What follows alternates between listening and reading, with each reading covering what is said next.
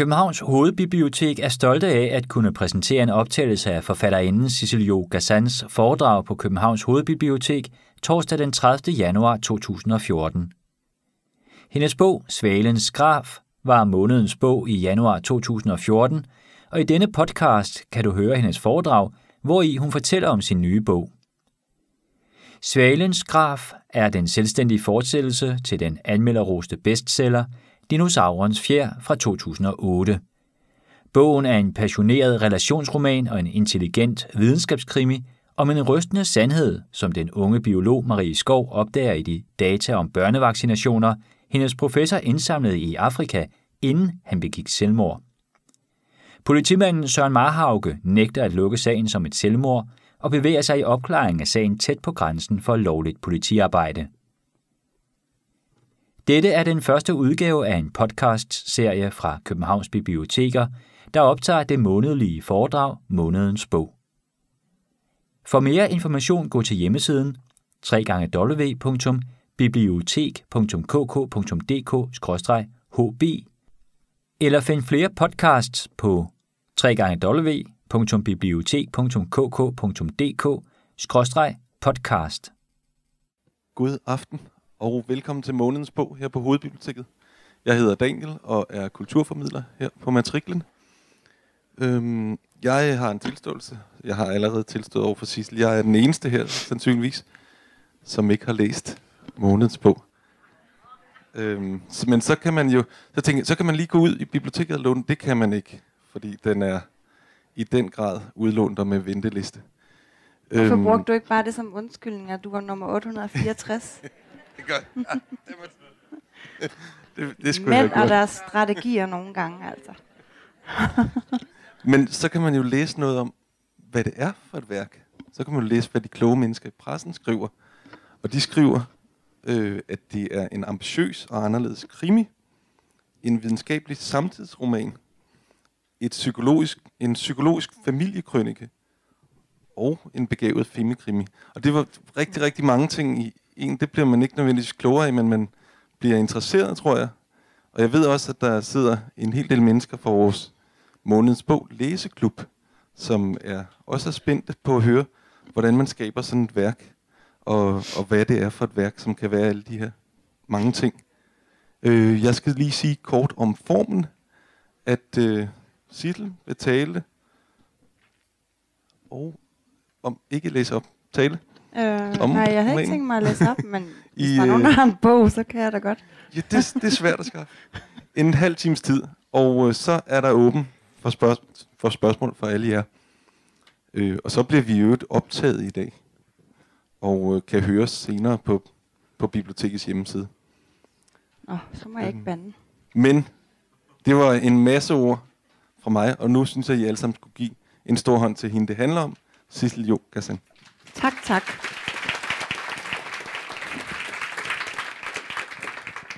Jeg vil lige starte med at sige en hel masse ting her i starten, som handler mere om noget andet og ikke bogen. Der går sådan en rygte blandt forfattere, at når man bliver inviteret ind på hovedbiblioteket, så er man blevet en rigtig forfatter. Så det vil jeg gerne sige tak til, at jeg nu endelig er blevet en rigtig forfatter. Det føles faktisk også sådan. I den her uge har jeg indtil videre holdt fire sådan nogle oplæg, som her i aften. I Fredericia og i Birkerød og i Øre og herinde, og i morgen skal jeg ud i Gentofte. Og der kommer alt mellem 10 og 100 mennesker. Så det har været rigtig sjovt i den her uge. Formen er den samme. Jeg starter med at, at fortælle lidt om bogens tilblivelse, ligesom Daniel lige varskod jer. Og så håber jeg meget, at I har nogle spørgsmål, og I også øh, tør stille dem. Fordi en af grundene til, at jeg gør det her, det er, fordi det er noget af det sjoveste for mig at møde jer. Når man er forfatter, så sidder man sådan helt ensom i det her rum og skriver for, for ingen andet end en selv. Og det er rigtig sjovt, når romanen så kommer ud, at jeg faktisk øh, opdager, at jeg er så magtfuld, at jeg kan skabe et univers, som I alle sammen tror på. Og lever jeg ind i. Og det er rigtig, rigtig sjovt og inspirerende for mig at høre jeres feedbacks. Ikke mindst, fordi jeg nogle gange ikke har tænkt over det, som I så gerne vil vide, hvordan jeg er kommet frem til. Så gud ja, sådan kan man også se det. Så det er meget sjovt og lærerigt for mig at, at høre jeres spørgsmål. Så jeg håber, I har nogen her om en halv times tid. Hvad vil jeg sige mere, inden jeg gik i gang? Det var vist det. Øhm, jeg plejer altid at sige, at dinosaurens fjer kom som lidt af en overraskelse for alle. Det var ikke spionen, der kom ind fra kulden, men succesen, der kom ind fra højre. og jeg ved, at selv mit forlag var en lille smule skeptisk i forhold til, om, om det nu var rentabelt. Det skal de jo tænke over. Sådan en mærkelig krimi, der handlede også om familierelationer og så dinosaurer. De var en lille smule usikre på, om der var nogen, der gad at læse om det. Og grunden til, at jeg ved det, selvom de sikkert vil sige noget andet, det var, at de trykte bogen i nogle utrolig små oplag i starten, og hele tiden faktisk. Og øhm, jeg var så heldig eller uheldig, at jeg havde jo en kontrakt, hvor der stod, at jeg fik 30 fri eksemplarer hver gang, at de trykte et nyt oplag. Det begyndte at blive lidt irriterende, da den kom i 10. oplag. Øhm, så jeg kan simpelthen se på min hylde derhjemme, eller jeg kunne se på min hylde hen over efteråret, fra den var udkommet, hvor mange mennesker, der havde øh, købt den her bog og faktisk læst den. Og det var jo utrolig stort vendepunkt i mit liv. Ikke kun som forfatter, fordi jeg nu pludselig kunne turde springe ud af at leve og at skrive, men selvfølgelig også som menneske, for sådan er det jo, når man øh, bryder igennem med noget, man har beskæftiget sig med i lang tid. Udover at der var alle de her, øh, al den her opmærksomhed omkring romanen, og jeg jo også vandt nogle priser, som kom fuldstændig som overraskelse for mig, så kan jeg huske, at jeg begyndte at tænke over det der, som jo altid eller tit følger i kølvandet på en succes. Hvad skal jeg nu skrive om næste gang? Og det er jo desværre sådan, i hvert fald for mig og for andre ambitiøse mennesker, jeg kender, man vil jo gerne overgå sig selv. Øhm, det bliver jo så sværere og sværere. Altså lige nu, hvor jeg er i sådan et tomrum efter Svalens Graf, så tænker jeg, det mindste jeg kan gøre, er der at få Helle Thorning til at gå af med min næste roman, eller få Novo Nordisk til at gå bankerot. Altså mindre kan ikke gøre det. Og det er selvfølgelig nogle, et højt ambitionsniveau, og derfor er det nok også meget godt, at der lige er den her fase, hvor jeg laver foredrag og ligesom lige får sundet mig oven på sidste bog, inden jeg går i gang med noget nyt. Men de følelser havde jeg også efter dinosaurens fjer. Altså, der var mange, der sådan så på det som min debut, og så derfor var jeg sådan lidt det der med den svære tor. Af en eller anden underlig grund, så kom jeg til at tænke på, i det efterår, dinosaurens fjer var udkommet, på dengang jeg fik knivbevis, da jeg var spejder at øh, da jeg ligesom endelig havde bestået prøven, og min mor hun skulle sy det der emblem på min uniform, så gik det ligesom op for mig i al sin gru, hvordan sådan et emblem kom med en form for forpligtelse eller ansvar. Det var virkelig slut med at skære sig selv i fingrene. Og sådan havde jeg det også med dinosaurens fjer. Nu skulle jeg virkelig bevise, at jeg var kommet for at blive. Og da jeg så samtidig voksede op i sådan en ånd, over i 70'erne over i Aarhus, at når man får meget, så skal man også give meget. Så havde jeg det sådan, jeg var så ydmyg på en eller anden måde over det der med, at jeg havde fået al den opmærksomhed, ikke kun fra det litterære parnas her i København, men også fra almindelige mennesker ude på landet over i Jylland, der læste mine bøger og godt gad at interessere sig for, om hvorvidt fugle var dinosaurer eller ej. Så alt det her blandet sammen, det fik jeg sagt i en eller anden artikel i Politiken, der handlede om, at jeg godt kunne tænke mig at skrive øh, den næste roman med det her ansvar for, at jeg havde fået en masse læsers opmærksomhed, og måske også bruge den opmærksomhed til at skrive om noget, der var eksistentielt vigtigere, end hvorvidt fugle nu er nulevende dinosaurer eller ej. Og så det der med at have fået meget, og dermed også give meget.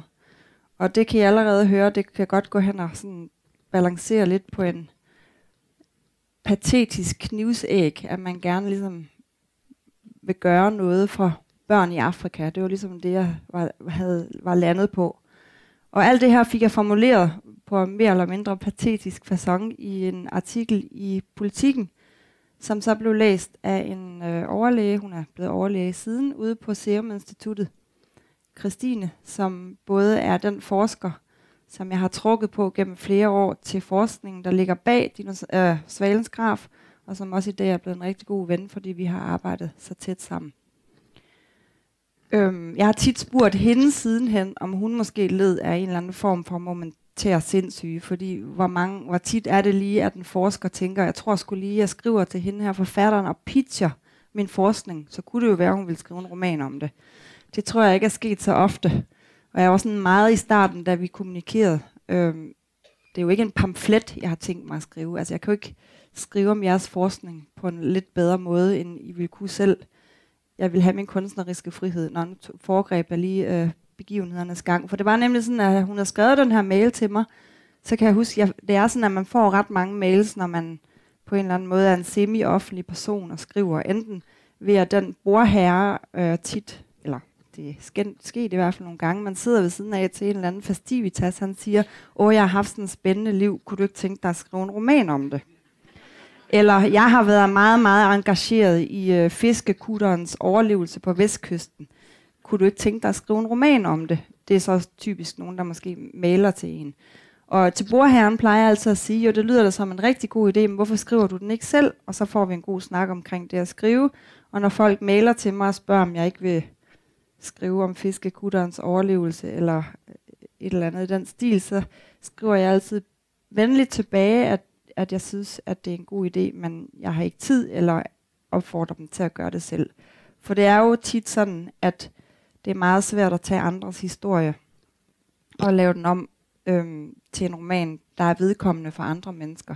Men den her mail fra Christine, som var 10 linjer omkring det her forskning, som er øh, kritisk vaccineforskning i Vestafrika, dansk forskning, banebrydende dansk forskning, som har stået på i 25 år. Det har jeg så kogt lidt ned i bogen, for ellers ville den nok være blevet lidt for lang.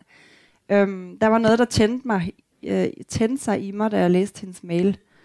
Øhm, det tændte mig faktisk så meget, at jeg var kommet til at skrive en mail tilbage med et famøst bandeord. Det kan jeg så ikke sige herinde, fordi vi bliver optaget øh, til hjemmesiden. Men der var i hvert fald bandeord af begejstring i den her mail, som gjorde, at min mail blev opsnappet af Serum Instituttets spamfilter og aldrig kom videre. Så det kunne jo faktisk have været enden på Svalens graf. Den var aldrig blevet til noget. Det havde, den var simpelthen en hel roman, der var blevet fanget i et spamfilter.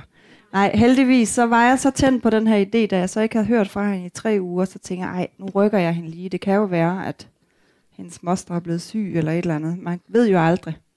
Og så viste det sig selvfølgelig, at hun havde tænkt det samme om mig, mere eller mindre.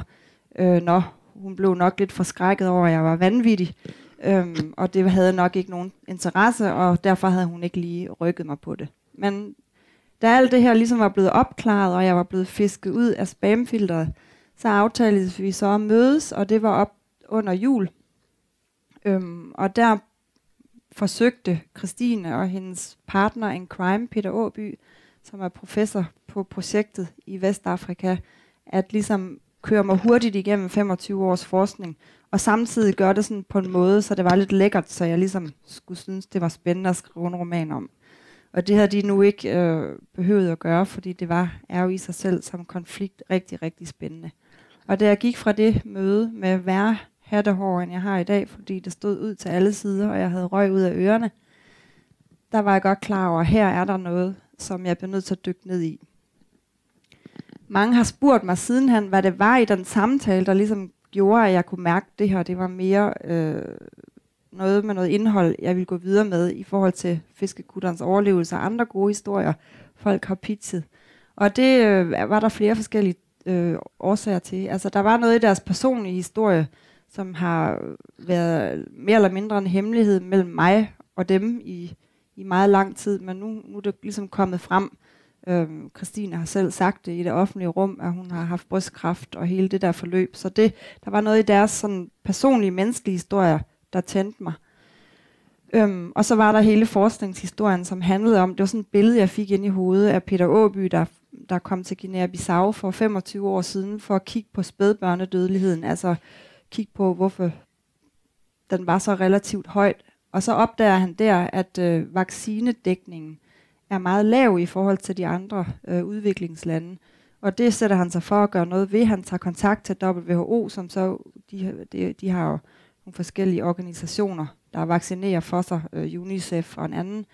Øhm, og da han så kommer tilbage et år efter, så er vaccinedækningen allerede blevet meget højere. Det vil sige, at der er mange flere børn, der bliver vaccineret, og deres mødre er ligesom blevet gjort opmærksom på, at de skal komme ned til de her vaccineområder, når der er vaccinedag, og få deres børn vaccineret. Så så havde han jo pludselig noget data, som var en masse uvaccinerede børn, som han havde registreret året før sammenlignet med en masse børn, der nu var blevet vaccineret. Og så kunne han simpelthen se, at der er noget med de tal, som ikke stemmer. Der, der, de er godt nok beskyttet nu mod det, vaccinen er designet til at beskytte imod, men de døder noget andet. Det skal vi have set på. Og det blev ligesom starten for ham på en lang, lang rejse, hvor han har øh, for første gang formuleret det, der hedder vacciners uspecifikke effekter. Og de kan så både være positive og negative, altså gøre noget godt ved immunforsvaret, så børnene overlever mere end bare i kraft af, at de nu er beskyttet mod nogle bestemte sygdomme, og det, der hedder negative effekter, som er, at, de, at det gør noget dårligt ved immunforsvaret, hvor de så dør noget andet, selvom de så ikke længere dør af det, vaccinen beskytter imod.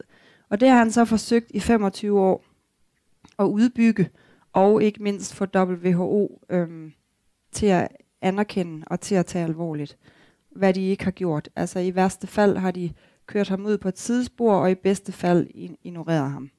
Øhm, og det der billede af den der mand med civil courage, og også en vis del øh, civil ulydighed, for det skal der jo alligevel til at gå op imod en verdensomspændende sundhedsorganisation, som vi alle sammen tror på. Øhm, jeg så det der billede for mig af den her mand med civil courage, der stod på den brede trappe foran Mahoni-porten. Jeg har aldrig været der, så jeg forestiller mig bare, at det er en stor Mahoni-port, og bankede på den. Så forestiller man mig sådan ligesom i sådan en middelalderfilm, eller en film om middelalderen, at der blev åbnet sådan en lille luge, og der blev råbt ud, gå nu væk, vi gider ikke høre på dig, eller spyttet på ham, eller et eller andet. Og han stod ligesom bare fast der, jamen se nu, hvad tallene siger, I kan ikke ignorere mig. Og jeg var enormt fascineret af det der med at have sådan en styrke, at vi hele sit liv, arbejdsliv, hele sit personlige liv, til, øh, øh, der har også været en masse mennesker involveret, det er jo ikke ham, der er sådan en eller anden lysende frontfigur, men nu er det ham, jeg sad og snakkede med, eller de to mennesker.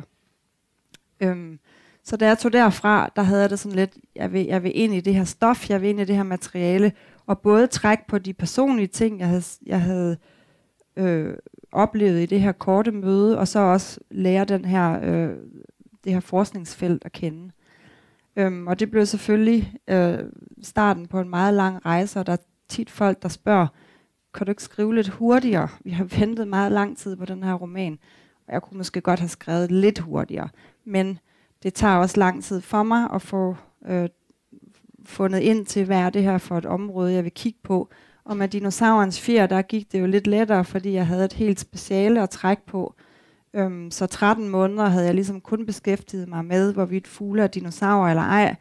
Øh, og min professor havde også været meget behjælpelig, selvom jeg så takkede ham hver at ham på side 8, men det er så en anden historie. Men jeg havde selvfølgelig haft de her øh, kræfter, jeg kunne trække på, og nu stod jeg helt alene, og selvom Peter og Christine, mine to nye allerbedste forsk- forskervenner, i den situation selvfølgelig sagde, at vi skal nok være behjælpelige øh, med alle dine spørgsmål, og i særdeleshed Christine har, har øh, været utrolig tålmodig og vi havde regnet ud forleden dag, at vi har udvekslet 477 e-mails i det her forløb, hvor hun har ageret min, min professor eller min, min vejleder. Så var jeg trods alt alene, øhm, og selvom biologi og medicin har, hænger sammen, så var det ikke noget, jeg sådan lige, øh, jeg vidste ikke lige, hvor jeg skulle slå op. Jeg vidste ikke lige, hvordan man læste deres former for videnskabelige artikler. Øhm, så jeg var nok ikke helt klar over, hvad det var, jeg havde kastet mig ud i, men jeg kastede mig ud i det. Da jeg ligesom havde sagt til Peter og Christine, okay, det her det er et go fra min side. Jeg havde, vi havde opstillet nogle spilleregler. Igen det der med, at jeg kan ikke skrive en pamflet. Øh, jeg skal have min kunstneriske frihed. Øh, jeg vil selvfølgelig gerne øh, forsøge at skrive det, så jeg ikke øh, begynder at underminere øh, noget, I har brugt 25 år på, på at bygge op. For det er nemlig sådan, i virkelighedens verden begynder der nu at være mere sympati for deres forskning. Øh, de får jo forskningsmidler af den danske statskasse, og det er jo ikke noget, man altså, skulle man jo helst ikke have, medmindre der er noget om snakken. Og der begynder at være, jeg kom lige i tanke om Penkova, men øhm, der er helt klart mere sympati, også fra udlandet, i forhold til at kigge på de her ting. Øhm, så, så ja, pointen er i hvert fald bare, at jeg vil jo ikke gøre noget, som de ligesom vil blive vrede over i sidste ende. Så vi skulle ligesom lige mærke os ind på spillereglerne, men da vi havde gjort det, så sagde jeg sådan, okay, så er det go fra min side. Jeg kan ikke sige noget om, om der går to eller tre år, men jeg er på. Og aldrig så snart havde jeg sagt det, så var der 50 videnskabelige artikler i min indbakke. Og så var det ellers bare om at gå i gang med at sætte sig ind i det her felt.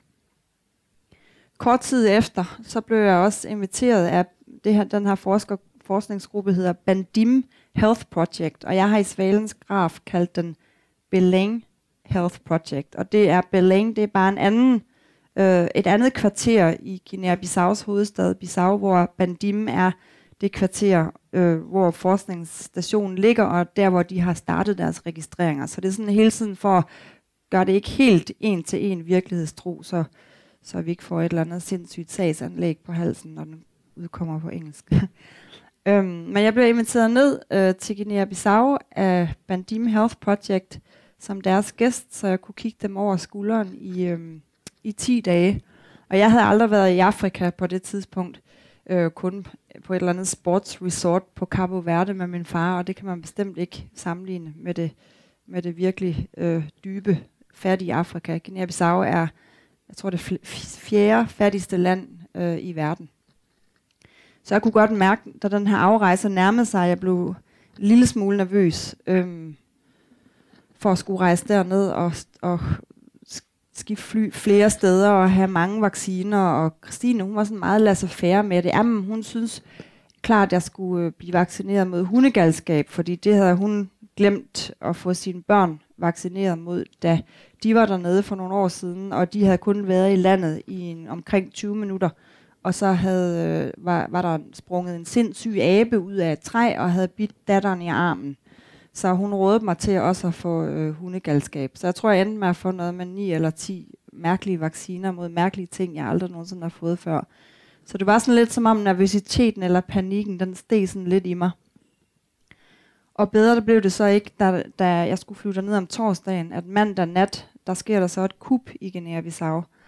Øh, militæret har i lang tid set sig sur på præsidenten og omvendt, og det løber så alt sammen af stablen natten til tirsdag, hvor jeg skal lande øh, to dage senere, hvor præsidenten først får hovedet øh, hugget af, øh, og midt om natten inde i sit soveværelse er tre machete klædte mænd, og så bliver, militær, eller så bliver regeringen selvfølgelig så knotten over det, at de så næste nat, natten til onsdag, øh, en dag før jeg skulle flyve derned, gør det samme inde i militærlederens soveværelse, nemlig hugger hovedet af ham. Og der tænkte jeg, okay, vi har vel alle sammen set Blood Diamond, og jeg havde det sådan lidt, nu lander, ender jeg i bagsmækken på en eller anden bil, så snart jeg sætter fod på afrikansk jord. Og jeg var inde og kigge på nogle forskellige hjemmesider, og der var bare total indrejseforbud.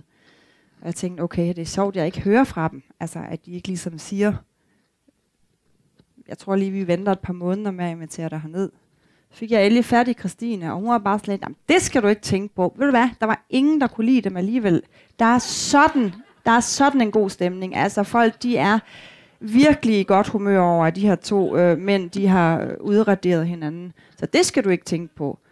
Nå, okay så fik jeg så også en god snak med min far, der er tidligere krigskorrespondent, og han sagde, at det der med, at de skriver på Udenrigsministeriernes hjemmesider, det skal man ikke altid tage alvorligt. Bare tænk på den gang, der var gang i den på Nørrebro, der boede du selv på jagtvej og havde nærmest ikke engang opdaget det, og der stod der også på, hjemmes, på Udenrigsministeriets hjemmeside, at der var totalt udrejseforbud. Nå, men for at gøre en lang historie kort, så måtte jeg også sige, at det kunne ikke blive aflyst i den her omgang, selvom jeg var ved at være lidt svedig i håndfladerne. Så jeg tog så afsted, og det blev selvfølgelig 10 fantastiske dage, hvor meget af det her teori, jeg så havde brugt månederne op øh, til på at sætte mig ind i, pludselig fik en virkelighed, det blev udspillet i. Og det øh, er rigtig, rigtig vigtigt, tror jeg, ikke mindst når man skriver om nogle lidt tekniske ting og meget forskningstungt, at hvis ikke det kan få sådan en form for øh, krydderi af noget, noget virkelighed og noget, noget menneskeligt, så kan det måske også godt gå hen og blive meget tørt. Og jeg ved ikke, om det sådan er nemt for jer som læser at sætte fingeren på, hvor, hvor, det, altså hvor det er, jeg har krydret med de ting, jeg oplevede dernede. Men jeg havde sådan en notesbog, hvor jeg skrev alt ned, og det kunne være øh, navn, navnet på den hvide fisk, der er i floderne, som ville være umuligt at finde ud af, hvad hed bagefter, eller også nogle ting, der ikke kom med, som var sådan interessante. Jamen, hvorfor kan, hvorfor kan guineanerne sidde på hug hele dagen? Jeg kan huske, jeg var meget fascineret af, at jeg kunne ikke sidde på hug mere end 10 minutter. Begyndte mine ben at sove. Jamen, det var fordi, at der er åbenbart, når man sidder meget på hug allerede fra man er helt lille, og det gør de i Afrika, i hvert fald ikke i Guinea-Bissau, så har man simpelthen flere øh, små øh, kapillærer og blodårer i underbenene, sådan at man får mere blodstrømning. Sådan nogle små ting. Ikke? Altså helt nørdet, det fyldte jeg min lille notesbog med. Det er så ikke kommet med i romanen, det er nok godt nok. Men det var i hvert fald meget vigtigt for mig at være dernede og ligesom mærke på den øh, verden, som jeg havde tænkt mig at, at skulle forholde mig til. Plus også at lære Christine og Peter øh, bedre at kende, da jeg jo havde besluttet mig for, at jeg ville bruge meget af Christines øh, historie i hovedpersonen Maries, skildringen af hovedpersonen Marie Skovs øh, personlige liv.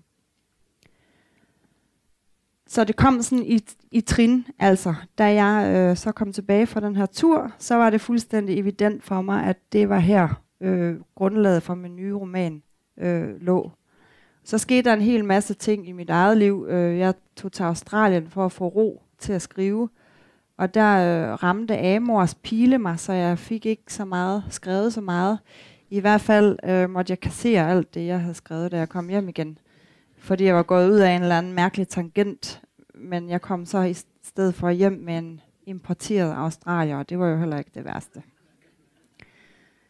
Sidenhen tog vi så til Australien igen i et år med min på det tidspunkt næsten nyfødte dreng, og der kunne jeg godt mærke, nu er der begyndt at gå, var gået tre et halvt år siden øh, dinosaurens fjerde udkom, så hvis jeg nogensinde skulle gøre mig forhåbning om at blive inviteret ind på hovedbiblioteket, så skulle jeg nok snart til at udgive en ny bog.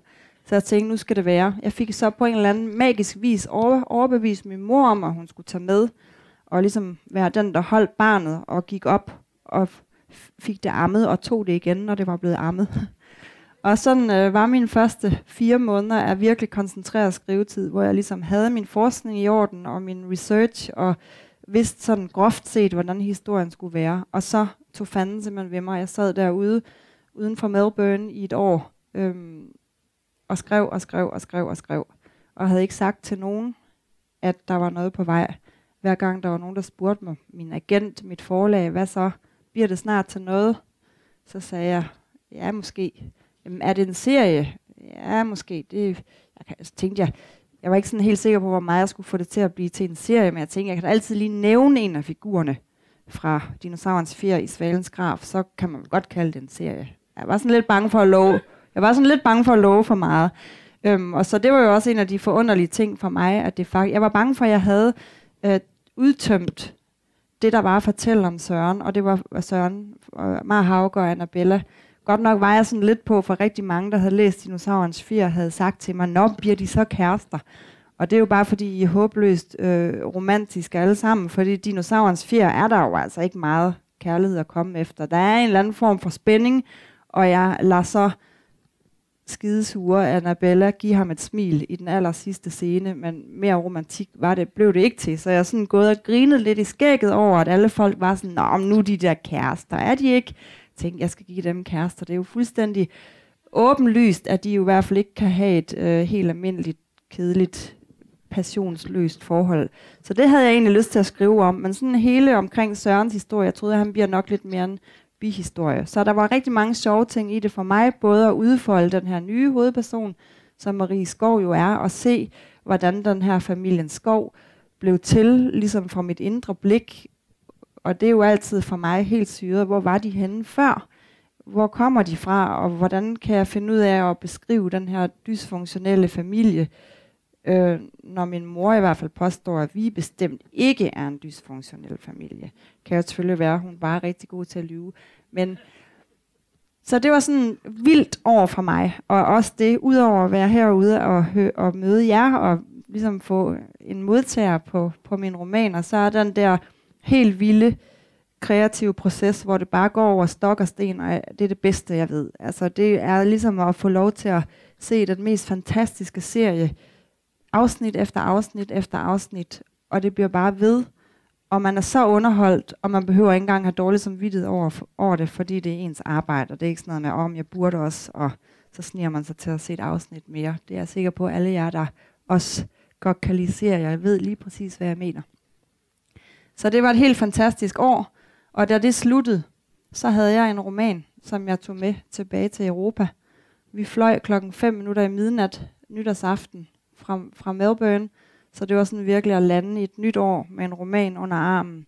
Det var ret specielt. At min redaktør så ikke var helt enig i, at den var færdig, det var så en historie, jeg først lærte at kende et par uger senere. Men jeg afleverede i hvert fald i første omgang, og der må jeg så også sige, altså jeg ved ikke, om det er fordi, jeg kommer fra Jylland eller bor i Berlin, men det er ikke gået helt op for mig, hvor meget mit forlag ligesom havde ventet på, at den her roman skulle komme. Fordi i det øjeblik, jeg havde sagt, jeg tror nok, jeg har skrevet noget færdigt. Nå, må vi se det? Så gik der det vildeste man- maskineri i gang, og jeg ved ikke, det er jo nok de færreste, der kender forlandsbranchen, men jeg tror, det drejede sig om jamen, over 20 mennesker, der lige med det samme med salgsrejser og forsider og kataloger, og jeg blev mere og mere svedt ved tanken om, altså det betød jo så også, at den skulle være færdig. Øhm, og der var blandt andet det lille problem, at der ikke var nogen slutning endnu, og nogle andre små ting. Men det, det, det var så, altså efter jeg havde haft det der øh, år med fri dressur, og ingen til at sige til mig, nu må du lige kigge på den person, og måske skal du gøre noget ved den person, det er jo også næsten for godt til at være sandt, så gik jeg så ind i et, et halvt års arbejde med min redaktør, hvor vi øh, redigerede på de mest mærkelige tidspunkter og til meget sent. Og jeg måtte helt i panik ud og have et kontor nede i Berlin, fordi min søn var blevet så stor, at han kunne åbne døre, så jeg fik ikke et øjebliks ro. Selvom min mand passede ham, så snart han kunne sige sit snit til det, så kom man ind for at se, hvad jeg lavede. Så jeg fandt et kontor på et arkitektbyrå. Man, man kan jo ikke være kredsen, når man er i panik. Så jeg sad simpelthen og skrev, øh, redigerede Svalens graf på et arkitektbyrå med ørepropperne stoppet helt ind i øregangene, fordi sådan nogle arkitekter, de snakker meget, og de snakker meget telefon og skælder ud på deres bygherrer og ruller meget store ark med papir og bygninger ud sådan lidt hen over min computer. Men jeg havde ikke noget valg, så jeg måtte bare sidde der og prøve at finde koncentrationen til at skrive færdig og redigere. Og det gik jo så også. Jeg har ikke beholdt det kontor, skal jeg bare lige sige. så godt var det heller ikke. Og så kom vi til den aller sidste fase. Øhm, og der var der jo noget med, at der var et par fejl i dinosaurens fjer. Jeg kan ikke huske, eller jeg ved ikke, om I kan huske, at det var sådan. Men øhm, det startede jo over i Aarhus med en, pige, der kom op til mig og sagde, jeg var ikke så optaget af Søren Marhaukes kapitler, så jeg læste bare Annabellas kapitler, som jeg var meget optaget af. Altså kapitel 1 og 3 og 5 og 7 og 9 og så videre. Og man kan jo så sige sig selv, at det er en rimelig mærkelig måde at læse en bog på. Men det var så den måde, hun havde læst det på. Og, og når man gjorde det, så kunne man altså se, at der var lige lovligt mange dage i den uge, som romanen udspiller sig i. Blandt andet to torsdage og noget andet, der slet ikke passede. Og det er klart, jeg håber jo ikke, at alle læser mine romaner sådan, fordi så, så kan det godt gå hen og være, at redigeringstiden skal være nogle flere år. Men der var rigtig mange problemer, og der var også en mand, der meget venligt sendte mig et uh, Word-dokument på 28 sider, der kun handlede om fejl, uoverensstemmelser. Det var også noget med, at det har regnet ikke den dag. Du siger, det sner, men jeg har været inde og tjekke, og den 5. april 2007, der var der altså høj sol fra morgen til aften. Og noget af det var reelt nok, og noget af det var selvfølgelig, come on, det er fiktion. Altså, men i hvert fald var jeg sådan lidt påpasselig øh, med, at det ikke skulle blive sådan igen, at der var alt for mange fejl. Og jeg tror, det er gået meget godt. Der er en fejl, der har snedet sig igennem alle korrekturlæserne. Og nogen er der opdaget den. Den er meget lille. Men det var en øh, pensioneret dansk lærer ude på Gentofte Bibliotek, der for nylig sagde til mig, det hedder ikke vipsetalje, altså V-I-P-S-E, men vepsetalje. Det var bare lidt sjovt. Jeg havde sådan inde i mit hoved, nej, hun er så køn og vips. Men det handler jo om formen på en vips. Nå, det var et lille sidespring. Men så udkom den endelig, og tror jeg nok lige, der var nogen, der var nervøse. Det var mig. Men det gik jo godt. og her er jeg så nu, og snakker altid mest om det videnskabelige, og jeg ved, der er rigtig mange, der sidder og også gerne vil høre om hele Marie Skovs familie og hele familierelationerne og hemmelighederne og det er også meget forskelligt om læserne er mest optaget af det videnskabelige eller mere optaget af, af, af det, jeg skriver om, omkring mennesker. Øhm, men nu har jeg faktisk snakket i 35 minutter, så jeg ved ikke, det er sådan det, jeg havde at sige, men jeg har, vil meget gerne svare på en masse spørgsmål, hvis I har nogen.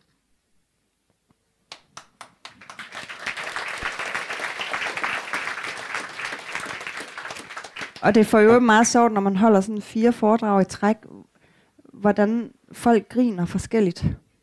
Altså over i Fredericia, ikke? der er de flade af grin. Lige meget, om man siger bu eller bæ. Op i ved Øre, der gik det godt. Der var de meget alvorlige, men sådan meget intense, og det var også rigtig fint. I går, der var der også meget latter, og I sådan, nogen af jer griner, men... vi, vi placerer det her i ja. Storbyen. Hvis, eller når der er spørgsmål, hedder det så, øh, så må I meget gerne række hånden op, så kommer jeg rundt med den her mikrofon, så øh, alle kan høre spørgsmålet. Vi starter herover.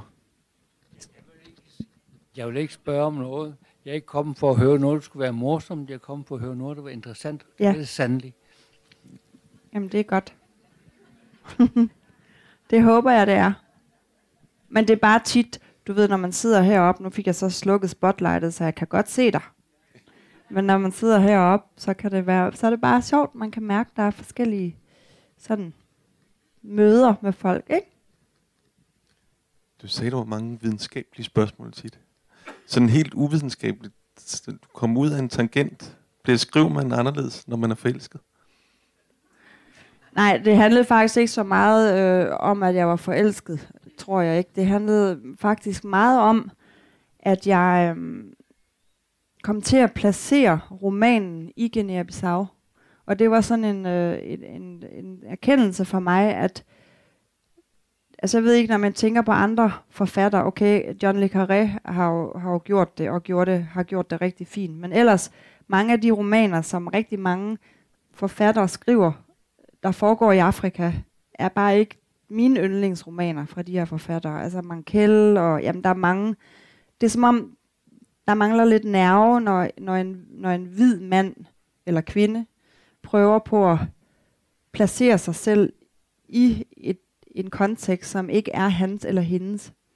Så det blev simpelthen lidt for, altså, og, og der røg jeg så desværre 300 sider ud af den tangent, før jeg kunne hele tiden mærke, det rungede hul, men jeg troede, ej, men det må være noget med, at jeg skal forme det på en anden måde, og jeg gik lidt tilbage og lidt frem. Og det var simpelthen, der gik det meste af et, halv, et halvt år, før det gik op fra mig. Det går bare ikke. Jeg kan ikke have den der sådan, jeg kan ikke skrive om noget, der skal være helt tæt, og skal have folk til at føle noget, hvis jeg selv har følelsen af, at jeg holder det ud i strækt arm. Og det kan bare ikke blive andet, fordi jeg er ikke en, sort phd studerende der er den første kvindelige direktør for Sundhedsinstituttet, øh, eller og, og det kan man ligesom kun beskrive på en overfladisk måde, men hvis, hvis man ikke er hende, der, der skriver. Så derfor blev jeg nødt til at rykke det hele tilbage til Danmark, og vende fuldstændig op og ned på historien. Det kunne stadigvæk, altså, endte det jo også med at, at udspille sig omkring den her problematik, men øhm, det var det, der var tangenten faktisk.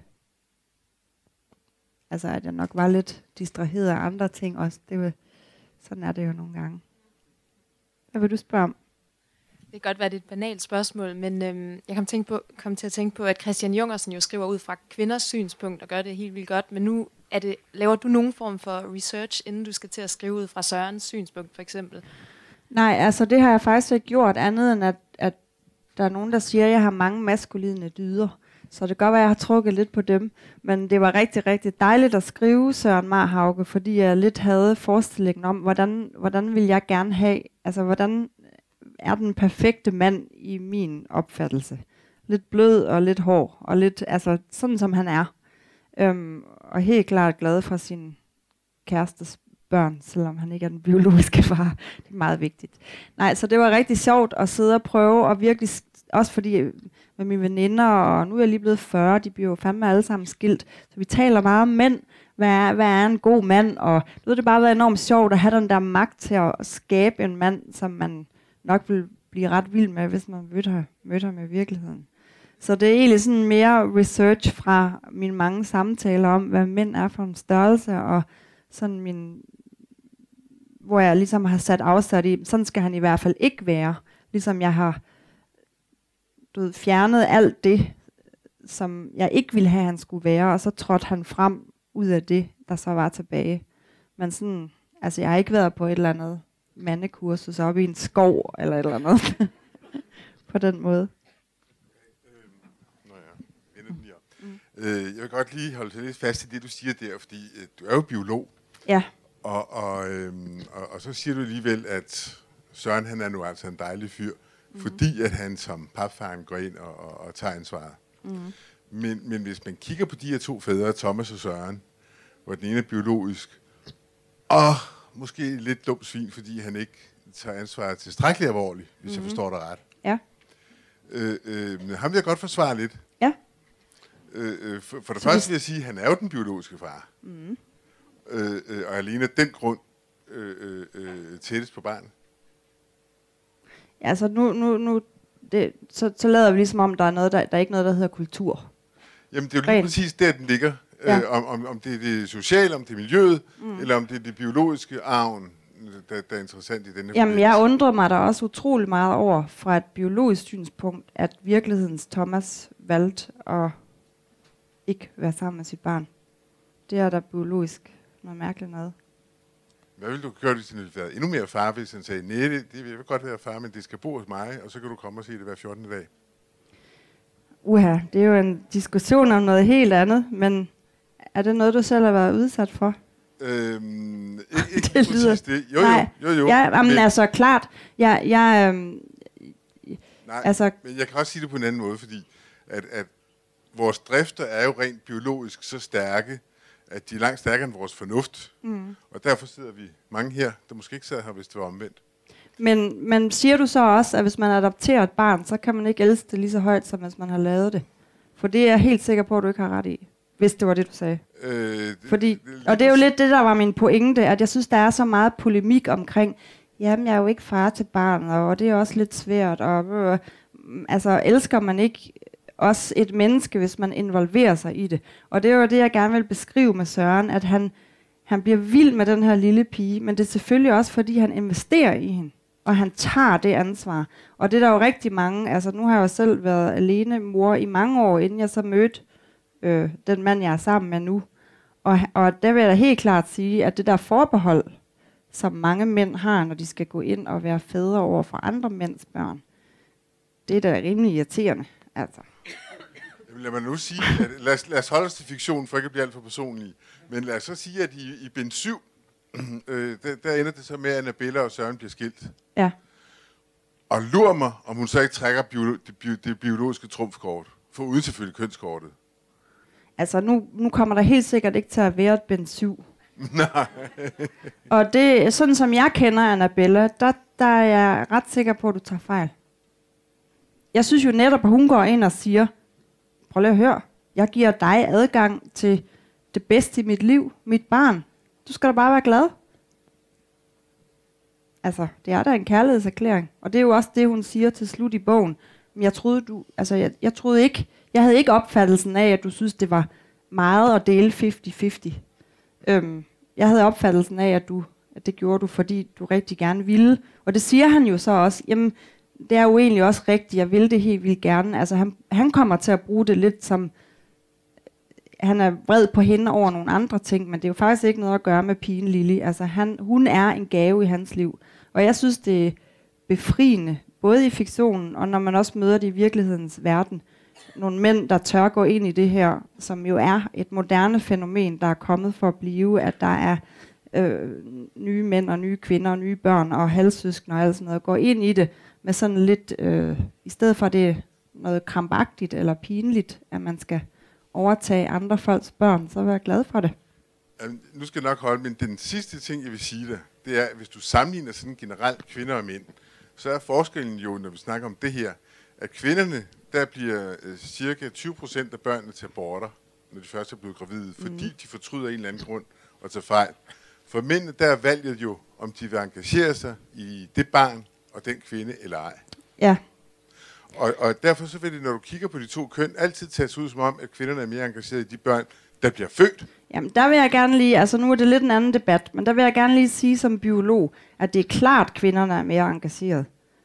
Altså, det koster biologisk set meget mere for en kvinde at være gravid i ni måneder, og amme i ni måneder, og øh, være usikker. Altså for en mand, det er, jo, det er jo også derfor, han har 6 millioner sædceller i hver portion.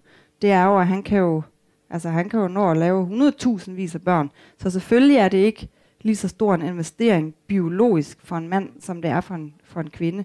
At kvinden så har brug for manden, og at barnet jo i den grad har brug for faren, det er jo altså, som biologisk udgangspunkt til at få farne, øh, holde farne på afstand og skaffe nogle proteiner og sådan noget. Og i vores kultur jo selvfølgelig, fordi at mænd og kvinder kulturelt set i forhold til børn er, er lige. Det er det jo ikke i praksis. Nej, men... Hej. Hej. Øhm, jeg vil spørge, om du har en idé, hvornår at øhm, din, den svalensgraf her bliver udgivet på engelsk? Jamen, det gør den uh, til efteråret. Det gør den på til efteråret? Ja. Altså, dinosaurens fjer er jo lige udkommet øh, før jul. Okay. Og den har fået rigtig, rigtig gode anmeldelser. Så det er jo en meget, meget øh, god banet vej for, at Svalens Graf skal komme. Mm. Øh, de er ved at oversætte nu. Ja. Og det har været en meget lang rejse. Altså på engelsk, det, der kom den for noget tid siden. Men den amerikanske rejse har været fyldt med humbler, fordi at, øh, der var faktisk et andet forlag, der havde købt den. Og da de så den var blevet oversat, og de skulle til at redigere, så bad de mig helt seriøst, helt seriøst, om jeg godt kunne tage det videnskabeligt ud. Plus at de også sagde, øhm, Clive Freeman, som er øh, professoren, eller ja, forskeren der i uh, dinosaurens fjer, han har jo de her varme tanker om de her unge fyre. Varme tanker. Der er jo ikke en eneste scene, hvor der bliver på nogen måde overskrevet nogle fysiske grænser. Det var ikke noget for den amerikanske læser.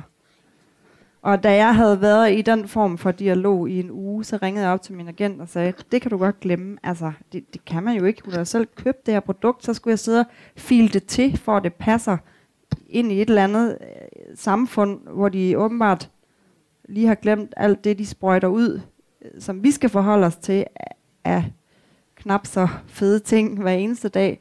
Så derfor så havde jeg i lang tid ikke noget amerikansk forlag, og derfor er den først kommet før jul.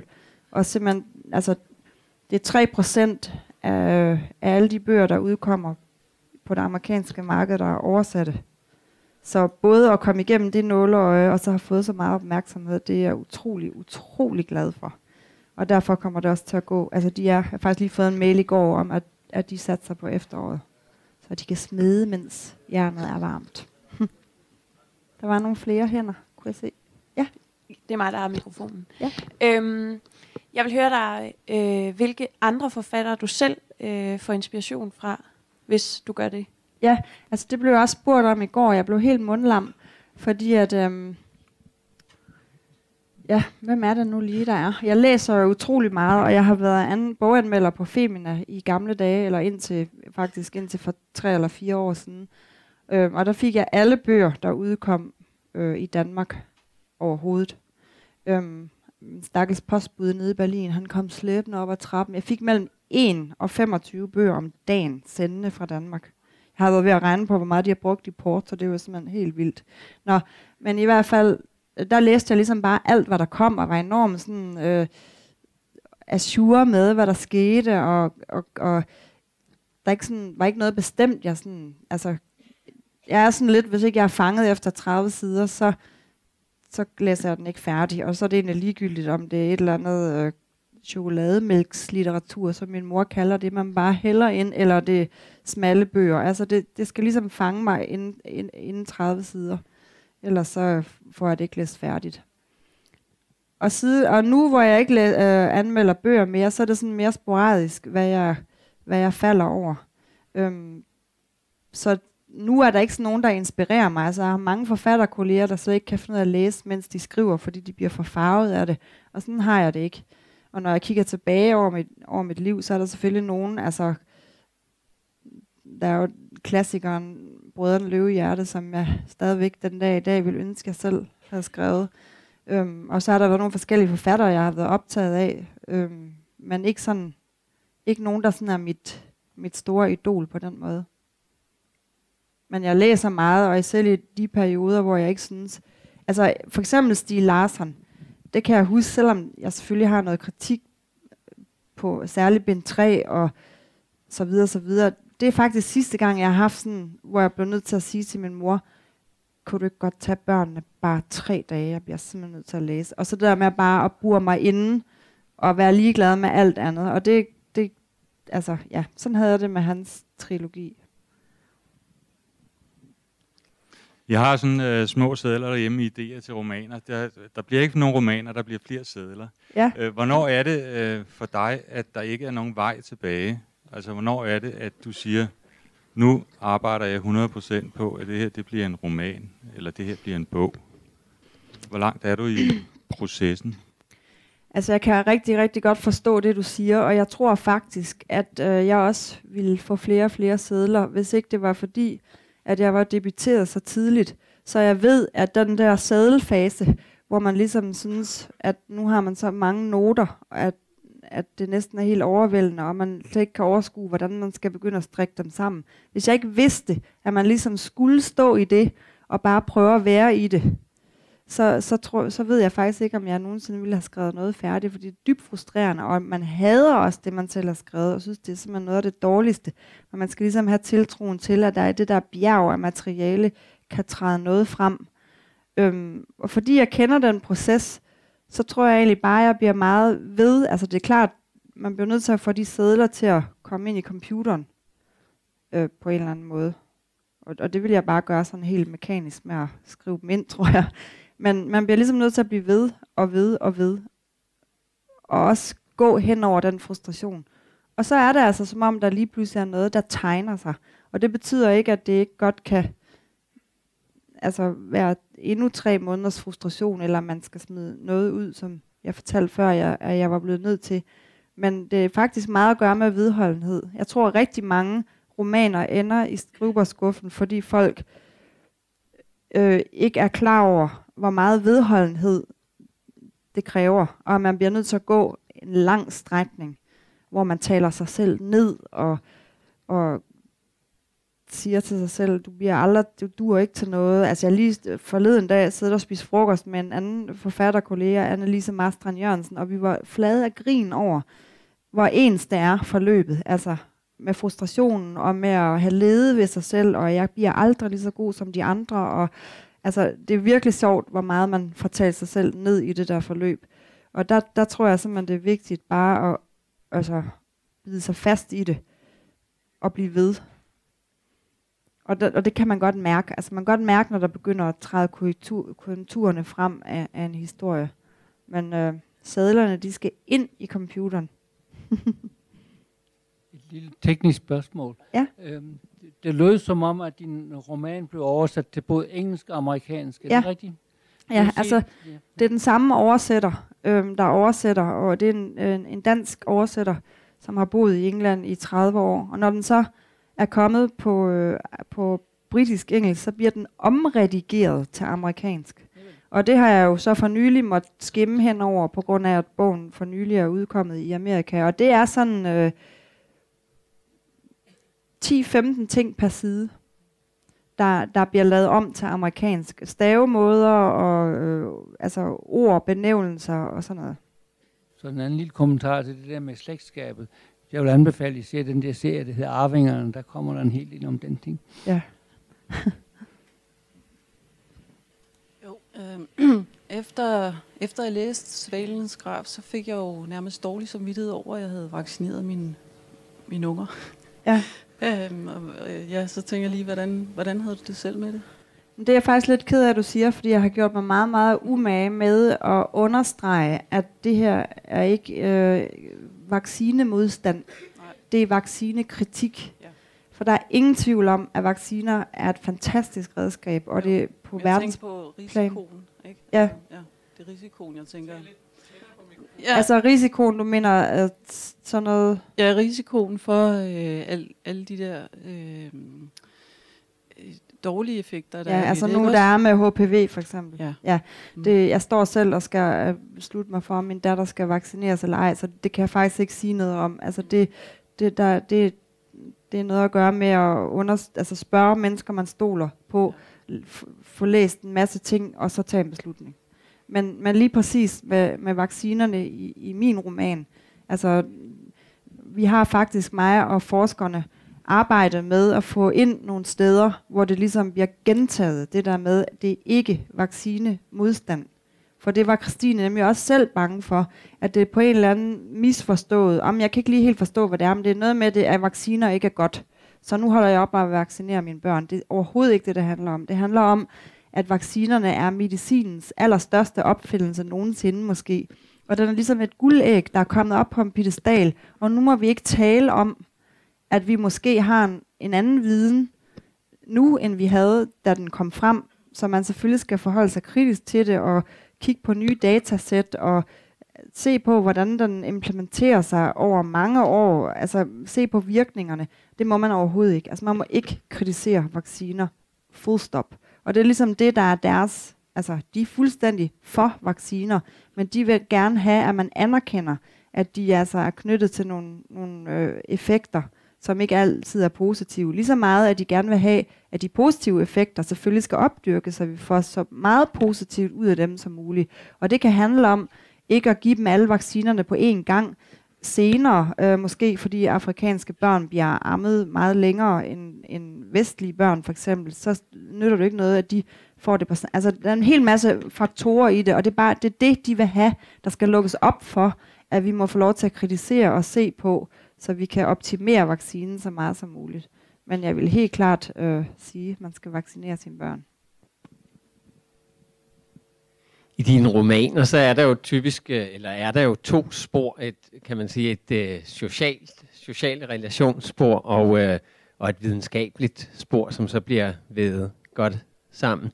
Ja. Men i selve skriveprocessen, er det så sådan, at du for eksempel har bruger det videnskabelige spor som uh, ryggrad, og så væver sociale relationer ind i, eller eventuelt omvendt, eller er det noget, du simpelthen skriver øh, sammenblandet lige fra start til slut? Jeg starter lidt med at skrive sammenblandet, altså øh, det der med at putte noterne ind i, i computeren, hvor det så er et stort hulter til bulter. Og så prøver jeg sådan at zoome ud og se på, i det videnskabelige, som jeg, der interesserer mig, er der noget der, der ligesom kan, kan gå hånd i hånd med nogle ting i den menneskelige psyke, som interesserer mig.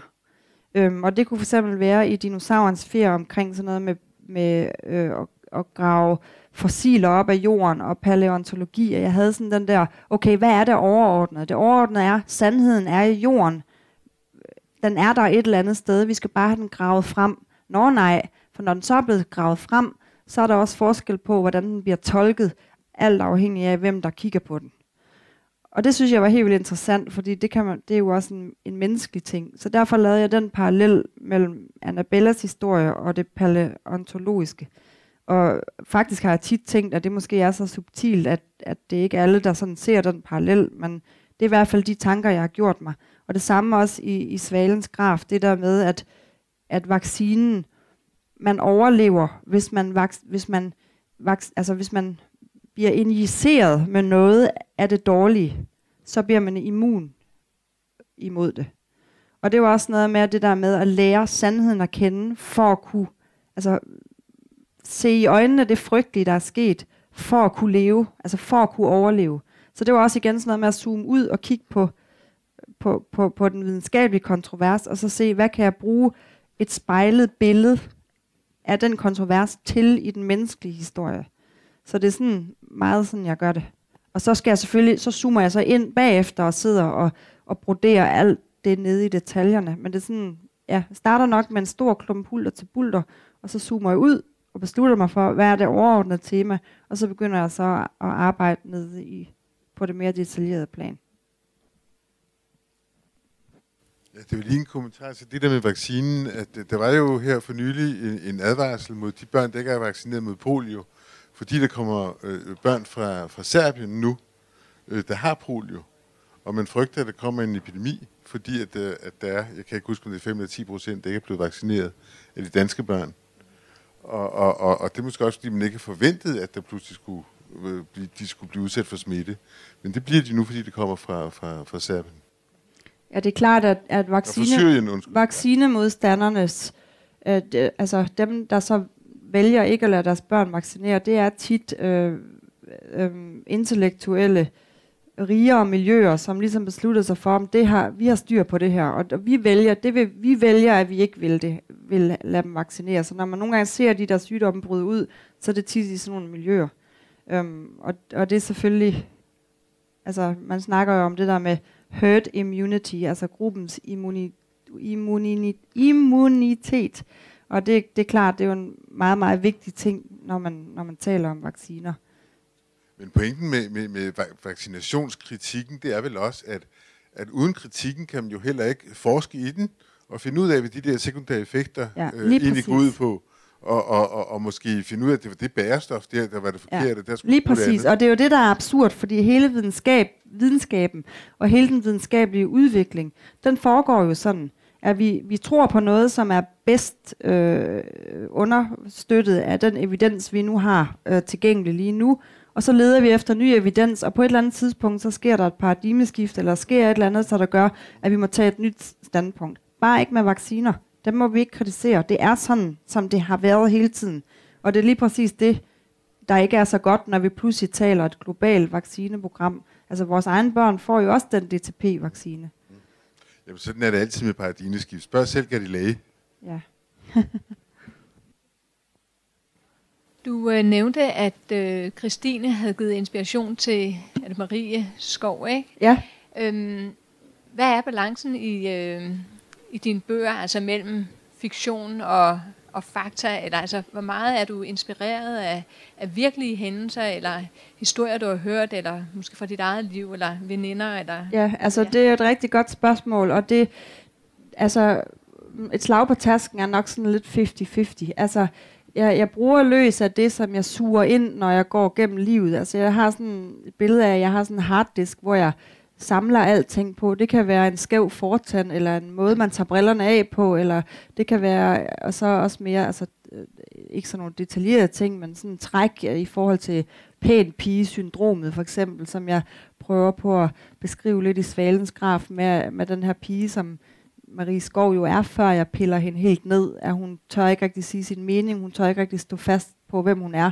Det, det er helt klart ikke mig selv, men jeg har været fascineret af, når jeg har mødt det i andre kvinder, og, og meget talt, altså nu er jeg selv datter af sådan kvindeoprørs øh, generation, øh, så vi har talt meget om det der med, hvad min mor har gjort for, at jeg ikke skulle blive sådan en Marie Skov-type, der puttede alt, hvad jeg, altså puttede mig selv under en skæppe. Så på den måde er det sådan meget, hvad der optager mig, og så hvad jeg suger til øh, fra livet. Og med, med Christines historie og sådan noget, altså, vi har jo haft nogle sjove snakker om det, for vi har jo lavet den der disclaimer i bogen, der hedder, alt i den her bog er fiktion. Og det var sådan lidt Christines angst, og også, jamen, så havde vi da den, altså, så havde vi da det at gemme os bagved. Men det passer jo ikke, og samtidig så glæder vi os vildt meget til, at den kommer ud på engelsk, og vi skal sende den ind til sådan et sted, hvor man kan få proof på forsiden, sådan en sejl, der hedder, denne bog er videnskabeligt korrekt. Altså, så vi leger også selv lidt med det der med, at det er fiktion, fordi så er vi helgarderet, men det er så også virkelighed. Og jeg ved, at Christine, hun fortalte mig, at hendes mor havde ringet dagen efter bogen var udkommet, og havde styrtet ned og hentet, købt den og læst den, og var sådan, nu, nu kommer de alle sammen til at tro, at din mor er pillemisbruger. Hvor hun ligesom måtte sige, så så mor, altså... Øh, øh, så, så der er helt klart, og der er sådan meget, det er meget sjovt, for der er også sådan en, en, altså blandt læsere, det er meget vigtigt for folk, det kender jeg også fra mig selv, og ligesom vide, hvor holder virkeligheden op, og hvor starter fiktionen. Men når man skriver om livet, så er det jo nogle gange sådan lidt svært at lige, altså nu har jeg, går jeg og kigger på en ny roman, nu hvor jeg sådan lidt kigger på en politimand nede i, i Berlin, som er sådan en overtatoveret, hardcore kriminalbetjent, som altså lige fotograferer babyer i sin fritid. Og prøv lige at forestille jer, at jeg har læst det i en roman. Altså, I vil jo have det sådan lidt, nej, nu stopper hun altså. Det kan jo ikke, det kan jo ikke komme ind i en roman. Det er jo alt for, whatever, patetisk, eller... Men det er så virkeligheden, der overgår fiktionen. Altså, der, det er meget, meget interessant, det der med, hvor, den, hvor virkeligheden stopper. Og men jeg plejer altså at sige til folk, at de skal passe på, at de er godt, de er godt inde i en roman. Tager noter. Mentale noter. Jeg undrer mig over, om det er rigtigt, at man kan anklage nogen på universiteter for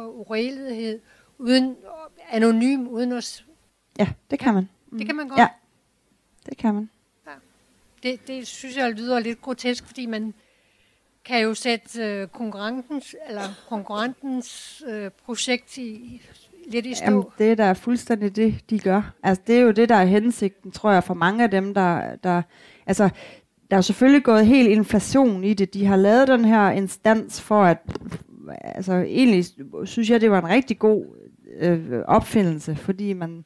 Vi vil jo heller ikke kaste alle vores skattekroner efter noget, som ingenting er. Altså, det skal jo ligesom have en vis men nu er der gået inflation i det, og det, jeg tror faktisk, der bliver snart, jeg, jeg ved det ikke, men jeg synes, jeg har hørt noget om, at de er ved at revurdere hele, hvordan det der indstævnelsesforløb skal være, netop fordi, altså de ved jo selvfølgelig godt, UVVU ved jo selvfølgelig godt, altså hvem det er, men, men de har ret til at sige, jeg vil ikke øh, have mit navn offentliggjort, fordi de måske går op og ned af de folk, de har indklaget. Og så vil der være utroligt dårligt, så vil der blive endnu dårligere stemning, end der i forvejen er. Men du har da ret i, det er vanvittigt. Der er et spørgsmål hernede. Jeg vil gerne lige uh, kort tilbage til den der disclaimer, hvad der er sandt og hvad der ikke er sandt. Du ja. har fået en masse materiale, kan jeg forstå, fra dine to kilder der. Ja. Hvor går grænsen for, hvad du synes, du skal skrive, og hvad du må skrive? For hvis du nu læser om en eller anden, så var der en kontrolgruppe på 100 børn. Ah, 100 børn, det lyder ja. ikke rigtig noget. Jeg skriver så om 1000 i stedet for. Ja. Altså, hvor, hvor går din, din digteriske frihed, når du har mm. fået sådan noget fantastisk materiale? Men jeg har faktisk øh, spurgt om lov, eller hvad man kan sige, hver gang, at der har været nogle steder, hvor jeg har skruet op. Altså, der var nogle steder, hvor det var sådan et eller andet med, børnene døde øh, en, en 10 gang, øh, altså, eller altså i hvert fald meget mindre tal. Det lød sådan lidt tamt i en krimi. Altså det skulle ligesom være, de døde tre gange så meget. Det, det, det, der spurgte jeg, er det okay, hvis jeg lige skruer op her? Og det sagde de så, jeg vil ikke meget for det, men så okay da. Og sådan noget med rotte, der er nogle kliniske forsøg, altså rotteforsøg, og det er jo noget, jeg selv har opfundet.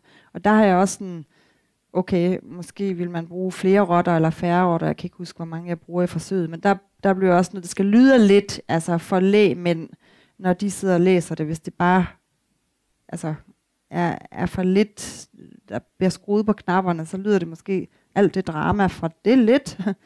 Så på den måde har jeg ligesom set meget gået op i, hvad balancen var. Øhm, men jeg har mere eller mindre spurgt om lov øh, om det hele.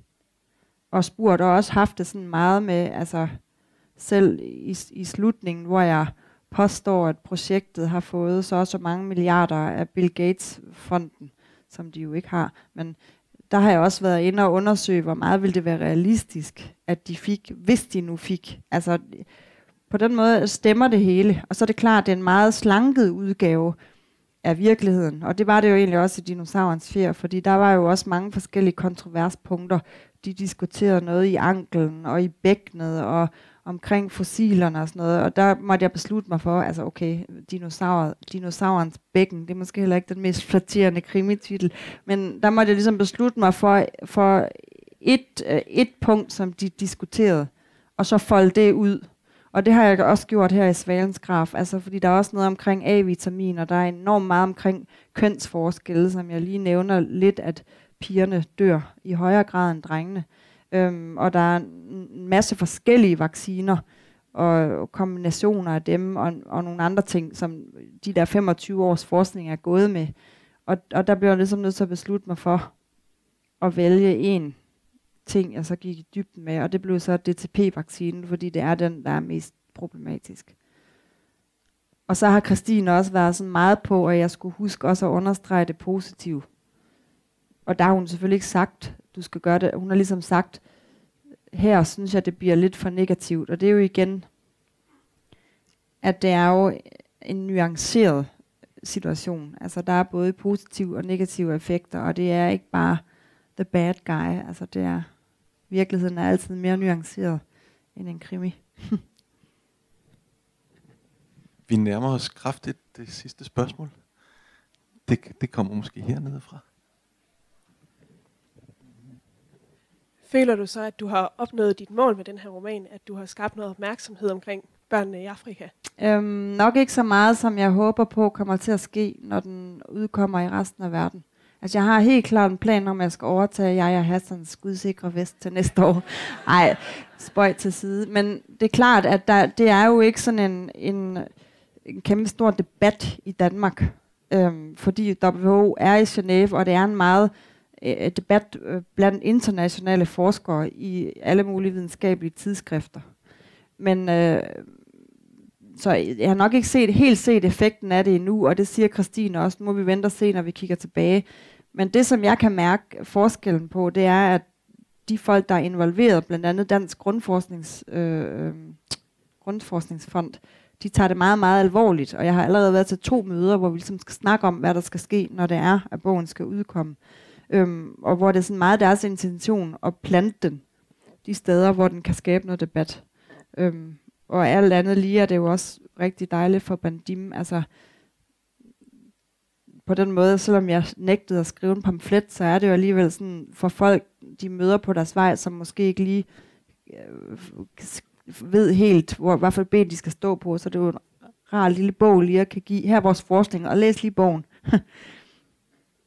så jeg håber på, at det kommer til at... Altså, jeg vil rigtig gerne øh, have, have en, en debat på sådan højere politisk plan. Men om det sker, det, det er sådan lidt ude af mine hænder, kan man sige. Og hvornår, hvornår var den amerikanske udgivelse? Til, til, til efteråret skal den udkomme. Skal vi lige tage et sidste spørgsmål? Jeg vil gerne høre, om du slet ikke bruger din uh, videnskabelige uddannelse til andet end at skrive bøger. Øhm, nej, det, altså jeg, fly, jeg flyttede til Berlin tre måneder efter, at jeg var blevet færdig som biolog. Og det var egentlig lidt fordi, alle folk har jo spurgt mig, hvorfor læser du biologi? Og det har jeg måske ikke rigtig kunne svare på, men nu synes jeg jo sådan lidt, ej, det var jo derfor, jeg læste biologi, ikke? For jeg skulle okay, have et okay. ben i, i hver lejr. Og jeg, jeg flyttede ned til Berlin, og det var også lidt det samme som at sige, at nu skal jeg i hvert fald ikke øh, arbejde som sådan biolog, som en, øh, tage vandprøver i Vejlefjorden eller et eller andet lige nu. Og det var egentlig også noget at gøre med, at jeg var på dagpenge, og så, så havde man sådan en profil og skulle ind og ligesom vise dem, at man har været aktiv på den her profil til alle arbejdsgiverne hver dag for at beholde sin dagpengesats. Og der havde jeg ligesom været inde helt ærligt og skrive, jeg er biolog, jeg er forfatter, jeg er speciale dinosaurer. Jeg var sådan meget ærlig i forhold til det, jeg synes var min styrker og det jeg kunne. Og tre måneder i træk hver eneste dag, når jeg gik ind for at se på den der profil, så stod der, blev jeg mødt af sådan en menu, der poppede ned, din, din profil er nu blevet set af nul arbejdsgivere. Og der gik det sådan lidt op for mig, at, at den her kombination måske ikke lige er den, der, der gør, at der hænger jobs, øh, biologiske jobs på træerne til mig. Øhm, og så gik det egentlig op for mig, at jeg hele tiden havde været sådan lidt en mærkelig, underlig spion inde på biologistudiet, hvor jeg stillede øh, rigtig mange spørgsmål, og blevet ved med at, at række hånden op, indtil jeg havde forstået, hvad det var, de sagde, og, eller synes, det var noget mærkeligt noget, at man skulle bruge nogle bestemte termer til at beskrive ting, når man kiggede i mikroskop, fordi hvis en kiselalge lignede et stykke blomkål, hvorfor kunne man så ikke bare kalde en spade for en spade? Altså, og der, mange af professorerne har kunne huske mig sidenhen, og rigtig mange er kommet hen til mig og har sagt, særligt når de har fået en øl eller to til en fest, åh, oh, det var bare så godt, du spurgte om det og det og det, for det havde vi heller ikke forstået. Så det er egentlig sådan gået lidt op for mig i bagklodskabens klare lys, at jeg var lidt en mærkelig pseudohumanistisk spion, der var på en eller anden måde kommet ind på det der studie. Um, og derfor tror jeg også, at det er det, jeg kommer til at gøre de næste uh, mange år. Men der er ingen tvivl om, at jeg vil gerne arbejde jeg tror, der er et eller andet job ude i fremtiden, som jeg får, fordi jeg har den her underlige øh, dobbelt hat på. Altså om det er at blive direktør i Zoologisk Have, nu er han jo ret ung, så det kan godt være, at jeg skal skyde hvid pil efter det, eller du ved, et eller andet sådan, ham, ja. Hvad? Ja, det kunne jeg selvfølgelig gøre. Nå ja, du siger noget. Og så skrive en roman om det. Det er mange fluer med et smæk. Mens du sidder i fængsel. Ja. det var, det var en ny og positiv vinkel, synes jeg, at det danske dagpengesystem kan, kan skabe en forfatterkarriere. Ja. ja, det var i hvert fald en rimelig underlig oplevelse. Er der et sidste genialt spørgsmål? Ej, det, det er et stort pres. Vi tager et herovre. Sissel, er du en romantisk kvinde? En romantisk kvinde? Ja. Uha. Altså, hvis du, hvis du mener, om jeg tror på valentinsdag og sådan noget, så nej. Nej, det gør jeg ikke. Kan du ikke prøve at udbygge Nej, dit spørgsmål lidt mere? Jeg gik, gik ind til min kone, og læste den først. Ja. Og øh, sagde, der var det, det, der udløste det hos mig. Det er hun. Ikke? Det var, da pigen hopper ind og siger, nu skal der kysses. Sådan en lille banal hændelse, som vi alle sammen kender. Ja. Som man måske ville være lidt forsigtig med i bogen og, og placere, men det gør du. Og det synes jeg var også romantisk. Det kan, Og jeg havde haft dig mistænkt længe. Jeg aner slet ikke, hvad du, hen, hvad du refererer Jo, til. de skændes. Nå, Ja. Nå det, er jo, det er jo sådan noget make-up sex. Det behøver man jo ikke at Nå, være romantisk for at kende til. Nej, nej. Nej. Ej, det, her, det, er egentlig, jamen, det, er, det er faktisk sjovt, du siger det, for der har jeg lidt en pointe med det, at der er jo, altså når man nu har været rundt om blokken et par gange, som de siger, så har man jo mødt et par mænd, som har det meget svært med det der med, at, med lidenskab. Og jeg synes jo, det er en fantastisk ting. Jeg synes jo, det der med at være sådan rasende på nogen, er utrolig meget tæt på, om hvorvidt man har lyst til at kysse dem eller ej. Så der havde jeg det sådan lidt, det vil jeg simpelthen, det skal være med i romanen, så måske nogle af de der mandlige læsere, som jeg er så heldig at have, at de skal tænke, nå, nå, men så er det måske heller ikke så slemt, når min kone bliver sur på mig, jeg kysser hende bare næste gang. Det var en god øh, romantisk, måske romantisk Realistisk, på. realistisk. realistisk. øhm, jeg synes, at vi alle sammen skal give en stor hånd for en dejlig aften her. Tusind tak, fordi I kom. Det var fint.